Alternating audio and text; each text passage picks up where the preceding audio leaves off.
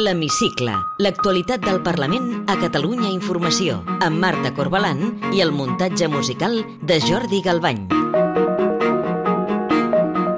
Avui a l'Hemicicle farem un recorregut per diversos parlaments del món per veure com regulen l'ús de les llengües que s'hi parlen. Al Congrés dels Diputats, des de fa poques setmanes, ja s'hi pot parlar en català, aranès, basc i gallec. L'oficialitat del català també s'està discutint a Europa, enmig dels recels d'alguns estats membres que no ho veuen prioritari en aquests moments. Però mentre l'ús del català va creixent a les institucions, al Parlament de Catalunya el castellà va guanyar en presència i s'ha normalitzat del tot. Avui en parlarem amb la consellera d'Acció Exterior i Unió Europea, Meritxell Serret. Benvinguts a l'Hemicicle. Des de la Constitució del Parlament de Catalunya el 1980 i durant més de dues dècades, el català tenia un predomini gairebé absolut a l'hemicicle. Tota aquesta política expansiva era possible, repeteixo, en un moment de gran creixement econòmic. A la primera legislatura hi havia alguns diputats que parlaven en castellà per desconeixement del català. Quim Roig és el cap de l'àrea de gestió de les transcripcions al Parlament. Bàsicament, els diputats eh, que, que feien ús del castellà eren diputats que venien de les lluites antifranquistes, venen d'entorns molt, molt castellanitzats, no havien tingut accés a l'escola en català i, per tant, probablement eh, la seva el seu desconeixement del català o la seva inseguretat a l'hora de parlar-lo era el que feia que parlessin en castellà. Passada la primera legislatura, l'ús del català es va anar normalitzant i el castellà va anar desapareixent de l'hemicicle. El 1996, un diputat del Partit Popular, Julio Ariza, va tornar a adreçar-se al ple en castellà. El diputat senyor Ariza, en nom del grup popular, té la paraula. Muchas gracias, señor presidente, señoras diputadas, señores diputats. La verdad es que, atendiendo a la importancia de la proposición de ley que estamos debatiendo en este momento. La seva intervenció en castellà va provocar l'anuig d'alguns diputats nacionalistes que van abandonar el saló de sessions en senyal de protesta.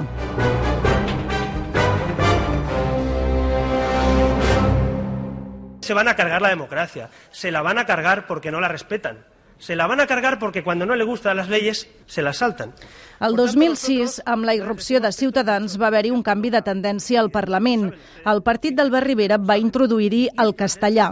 De fet, Ciutadans va néixer per fer bandera contra la immersió i la política lingüística de la Generalitat. Hi va haver un boom del, de les intervencions en castellà, per exemple, a la a la dotzena legislatura, que la, dotz, sí, la onzena i la dotzena legislatura, en què el grup de Ciutadans va tenir, tenia molts diputats, i llavors això sí que hi va, haver un, va presentar un increment important de l'ús del castellà. Ara mateix els diputats del Partit Popular, de Vox i de Ciutadans fan servir el castellà pràcticament sempre quan intervenen a l'hemicicle. Governar mal cuenta, señor Aragonés, y se paga un precio. Aprovechen el poco tiempo que les queda. Demuestra nuevamente que Esquerra Republicana lo único que sabe hacer es dividir tot i que aquests tres grups sempre acostumen a parlar en castellà, el seu ús s'ha disminuït al Parlament per la davallada de ciutadans que ha anat perdent molts diputats. Aquesta legislatura ara s'ha reduït, el nombre de diputats que intervenen en castellà s'ha reduït perquè hi ha menys representants dels partits que fan més política de la qüestió lingüística.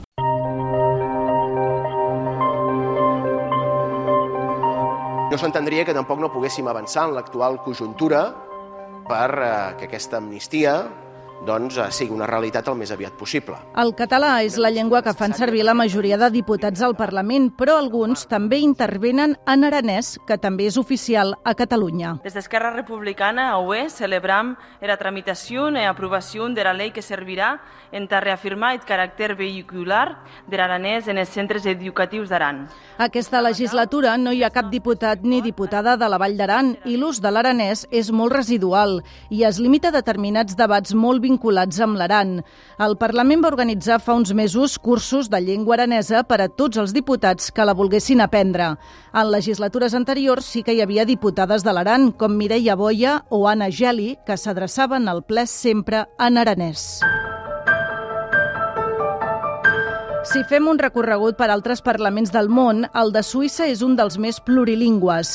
Els diputats poden parlar en qualsevol de les llengües oficials, com són el francès, l'alemany o l'italià, que es poden sentir en el dia a dia. Pour toutes ces raisons, je vous invite à refuser cette initiative. Nächster Redner, Herr Marchesi, bereit machen kann sich Herr Fluri. Grazie signor vicepresidente, consigliere federale, colleghi. Al Parlament de Bèlgica també s'hi poden sentir diversos idiomes, com el francès, el neerlandès o l'alemany. En canvi, a l'Assemblea Nacional Francesa només s'hi pot fer servir el francès i és una de les cambres més restrictives. Sens dubte, el màxim exemple de multilingüisme és el Parlament Europeu. Té uns 600 traductors contractats perquè s'hi pot parlar en 24 idiomes. Veurem si d'aquí un temps el català passa a ser la 25a llengua oficial de la Unió Europea. Té la paraula. Meritxell Serret, consellera d'Acció Exterior i Unió Europea, benvinguda al programa L'Hemicicle i gràcies per atendre'ns. Gràcies a vosaltres, estic molt contenta de, de poder estar amb vosaltres en aquest programa. Aquesta setmana tampoc s'ha aconseguit l'oficialitat del català a Europa. El Consell d'Afers Generals de la Unió Europea ha tornat a ajornar la votació per segona vegada perquè alguns països com Letònia, Lituània o Finlàndia s'hi han mostrat reticents. Creu que l'oficialitat del català s'aconseguirà abans del 27 de novembre, que és la data límit en què Pedro Sánchez pot ser investit? La prioritat principal del govern de la Generalitat, i això ho hem dit des del primer moment, és que, és que mantenim la màxima ambició de que s'aprovi, de que finalment s'aprofiti aquesta oportunitat històrica i que s'assoleixi aquesta unanimitat dels 27 estats, per tant, no només l'estat espanyol, sinó tota la resta de 26 estats de la Unió Europea a favor de l'oficialitat del català. I, i junt amb aquesta màxima ambició, sempre hem dit aquesta màxima exigència també al govern espanyol perquè es facin tots els passos necessaris perquè la proposta arribi arribi a bon port i arribi a bon port el més aviat possible i, i aquí lligant-ho també amb la pròpia autoexigència, eh, posant tota la nostra capacitat i tota la nostra disposició per acompanyar aquesta proposta, per acompanyar aquest esforç de guanyar tota la confiança, tota la solidesa davant dels diferents estats i, per tant, donant resposta als seus dubtes, a les seves inquietuds i, i acompanyant-ho també amb una campanya que, que vam començar amb uns articles del president i que aquests dies també hem presentat una campanya adreçada de l'opinió pública dels, no, de tots els estats, per, per presentar no, aquesta, la ciutadania europea aquesta iniciativa de que el català sigui també una llengua oficial amb, amb, amb tot el respecte i amb tota l'empatia amb la resta de llengües eh, oficials de la Unió Europea. Creu que els estats membres de la Unió Europea estaran disposats a votar l'oficialitat del català uns dies abans d'una investidura? És a dir, decidiran aquesta qüestió que podria doncs, influir positivament o negativament en una investidura espanyola? És, és difícil de, de, no? de donar una resposta en, en aquesta, amb el, tot el tema dels tempos, perquè el que tenim claríssim, i, i aquesta és la, no? la, la vocació i, i l'obsessió, diria ara mateix, del Departament i del Govern, és, com deia abans, que arribi a bon port la proposta.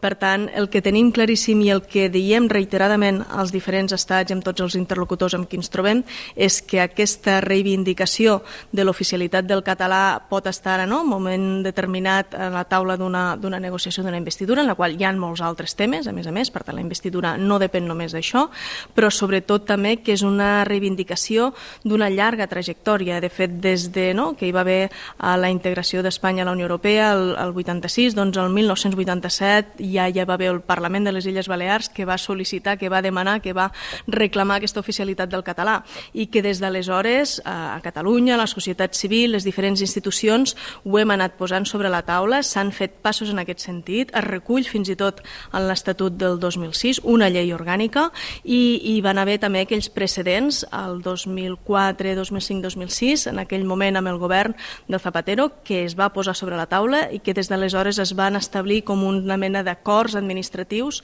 en, en les diferents institucions europees per poder atendre eh, demandes de, dels ciutadans en català. Per tant, hi ha tota una sèrie d'antecedents, hi ha tota una sèrie de motius lligats també en el cas del català el fet de que hi ha més de 10 milions de, de catalanoparlants, el fet de que és una llengua forta, estructurada, sòlida en, no? en qüestions de terminologia i de capacitat d'assumir el repte del que és la traducció, la correcció, tot allò que implica ser oficial a nivell europeu i per tant creiem que on hem de posar el focus és en aquesta llarga trajectòria de la demanda, en aquest dret dels 10 milions de catalanoparlants i en la solidesa de la pròpia llengua per poder esdevenir i que mereix, per tant, esdevenir oficial a nivell de la Unió Europea. El govern de la Generalitat està fent molta feina per defensar l'oficialitat del català, en especial eh, la seva conselleria i vostè mateixa, que s'ha reunit amb diferents ambaixadors. Vostè seria partidària de precipitar la votació al Consell de la Unió Europea el pròxim 15 de novembre o bé mm, preferiria seguir treballant-ho i no fer passos enrere i mm, assegurar-se la votació?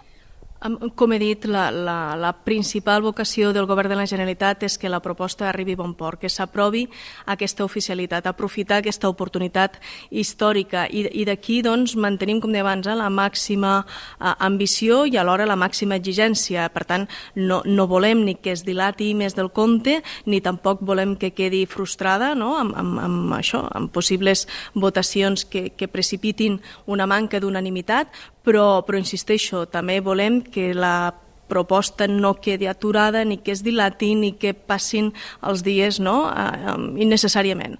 En aquest sentit, mantenim la màxima ambició, continuarem fent tots els esforços per parlar amb tots els interlocutors, per aconseguir aquesta solidesa, aquesta confiança de tots els estats respecte a la proposta de l'oficialitat i alhora no? mantenint també aquesta exigència i alhora també, cal dir-ho, eh? coordinació amb el govern espanyol, però aquesta exigència de que la proposta no s'aturi, la proposta continuï caminant endavant i amb passos ferms.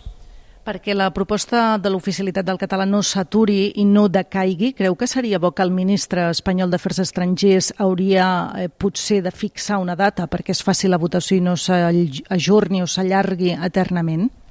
Um, amb això insisteixo, no, no és qüestió de, de, de ficar a l'atenció potser més en els tempos, sinó en la necessitat de que hi hagi aquesta solidesa, aquesta unanimitat de tots els països. Per tant, és posar tots els esforços perquè el més aviat possible tinguem aquesta unanimitat, tinguem aquesta confiança del conjunt dels estats de la Unió Europea respecte a l'oficialitat del català com una llengua més d'aquestes institucions i que, per tant, um, això reconegui, com deia, aquest dret dels 10 milions de catalanoparlants. Parlant de les negociacions de la investidura, el president Pere Aragonès advertia aquesta setmana que les converses amb el PSOE no van bé en qüestions que són clau per a Esquerra com el traspàs de Rodalies o bé la millora del finançament català. Si no hi ha traspàs integral de Rodalies ni millora del finançament, serà difícil el suport d'Esquerra a la investidura? El que estem dient és que el que cal és aquesta clara voluntat també de l'altra part de negociar per aconseguir aquests acords a favor del que mereix la ciutadania de Catalunya, del que és el millor pel futur de, del present i futur del conjunt de la ciutadania, tant en el que fa la resolució i la, no, del, del conflicte polític amb l'amnistia i la taula de negociació, com tots aquells elements que són estructurals i indispensables per assegurar serveis de salut, d'educació, serveis socials i totes aquestes inversions en infraestructures estratègiques. Per tant, um, el missatge és claríssim, les propostes estan sobre la taula, amb sentit de volem arribar a acords, però cal que hi hagi també aquesta predisposició disposició de l'altra part. Vostè també dona per fet que hi haurà amnistia, com ja va dir el president d'Esquerra, Oriol Junqueras, fa uns dies? El que donem per fet és que hi ha un acord polític a favor de l'amnistia. Això és claríssim i, i, i es va donar ja en el que és la, la constitució de la mesa del, del Congrés. Per tant, el que cal ara és concretar-lo i per això sempre hem dit que donem per descomptat que, que hi ha l'acord polític i que el que cal ara és concretar aquesta llei d'amnistia i aprovar-la. Si finalment s'aprova aquesta llei d'amnistia que ara comentàvem, vostè també se'n beneficiaria perquè va ser condemnada, recordem-ho, a un any d'inhabilitació pel referèndum de l'1 d'octubre. Té por que el PSOE s'avingui a tirar endavant una amnistia i no abordi la carpeta del referèndum? Um, nosaltres, i ho, ho hem dit abans, eh, posem uh, lligades aquestes carpetes de l'amnistia amb la continuïtat de, de la negociació del conflicte polític. Catalunya s'ha de considerar una nació o una minoria nacional?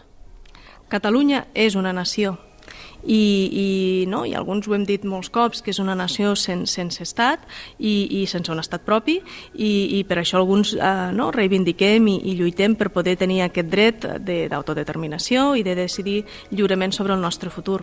Si li sembla bé, ens endinsem ara ja en el terreny més personal i li demano si pot contestar amb respostes tan breus com sigui possible.